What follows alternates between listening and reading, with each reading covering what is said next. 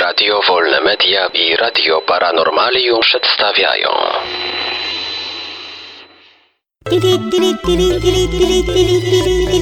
Dziwne informacje.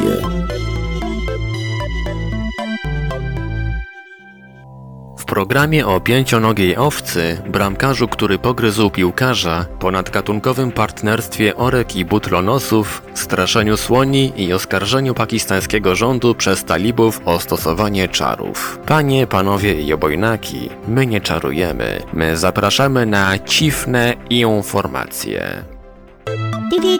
Pięcionoga owca wystawiona na sprzedaż. De la Givau, francuski rolnik, który hoduje owce w południowo-zachodnim regionie Poitou-Charentes, wywołał poruszenie w lokalnych mediach na początku tego roku, ogłaszając, że w jego gospodarstwie żyje baranek z pięcioma nogami. Teraz wystawił owce na sprzedaż w internecie. Gospodarz nie zamierza wysyłać owcy do rzeźni i ma nadzieję, że uda się ją uchronić przed najgorszym. Być może zwierzątko będzie wykorzystywane do zajęć dydaktycznych. Piąta noga nie pełni żadnej funkcji. W żadnym wypadku to nie jest wada, napisał sprzedawca w ogłoszeniu. Cena wywoławcza wynosi 200 euro. Bramkarz pogryzł piłkarza. Bramkarz argentyńskiej drużyny Boca Unidos Corrientes podczas ligowego meczu z Union de Santa Fe, zakończonego wynikiem 4 do 4, ugryzł w plecy zawodnika rywali, aby ten nie mógł strzelić gola. Sytuacji, do której doszło około 20 minuty gry w walce o piłkę w polu karnym, w ogóle nie zauważył sędzia i nie ukarał bramkarza. Zdarzenie zarejestrowały kamery i teraz robi ono furorę w internecie. Komentatorzy sportowi przypominają, że to nie pierwszy przypadek pogryzienia na boisku. W przeszłości podobnymi, nieprzepisowymi zagraniami popisał się Urugwajczyk Luis Suarez. Partnerstwo ponadgatunkowe. Nowozelandzkie orki karłowate i delfiny butlonose nawiązują długoterminowe porozumienia. Podczas 17-letniego studium biolodzy analizowali ruchy 61 orek karłowatych i 200 butlonosów. Zasadniczo wszystko robią wspólnie. Razem jedzą, razem podróżują, razem odpoczywają. Jeszcze by tylko tego brakowało, żeby razem kopulowały. Czemu opisane partnerstwa powstają? Im więcej osobników w grupie, tym większa szansa na przeżycie. W grę wchodzi także czynnik społeczny.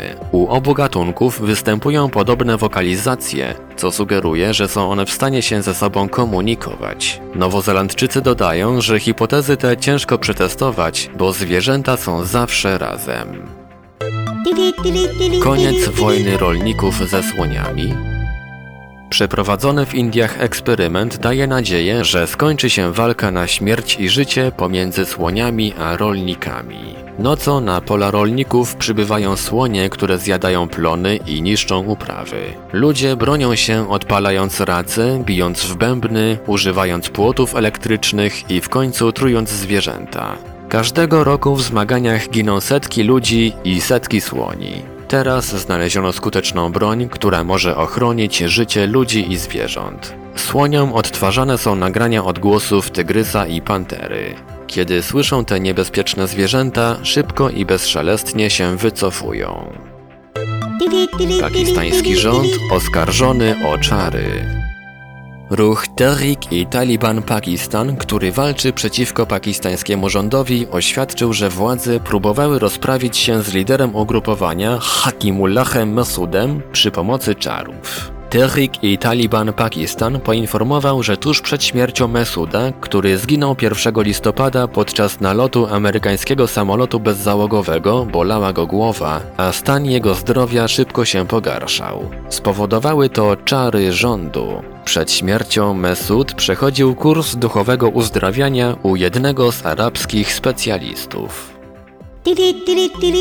Dziwne informacje. Wiadomości czytał Ivelios. Wybór informacji i montaż Maurycy Hawranek. Podkład muzyczny Protologic. Produkcja Radio Wolne Media i Radio Paranormalium.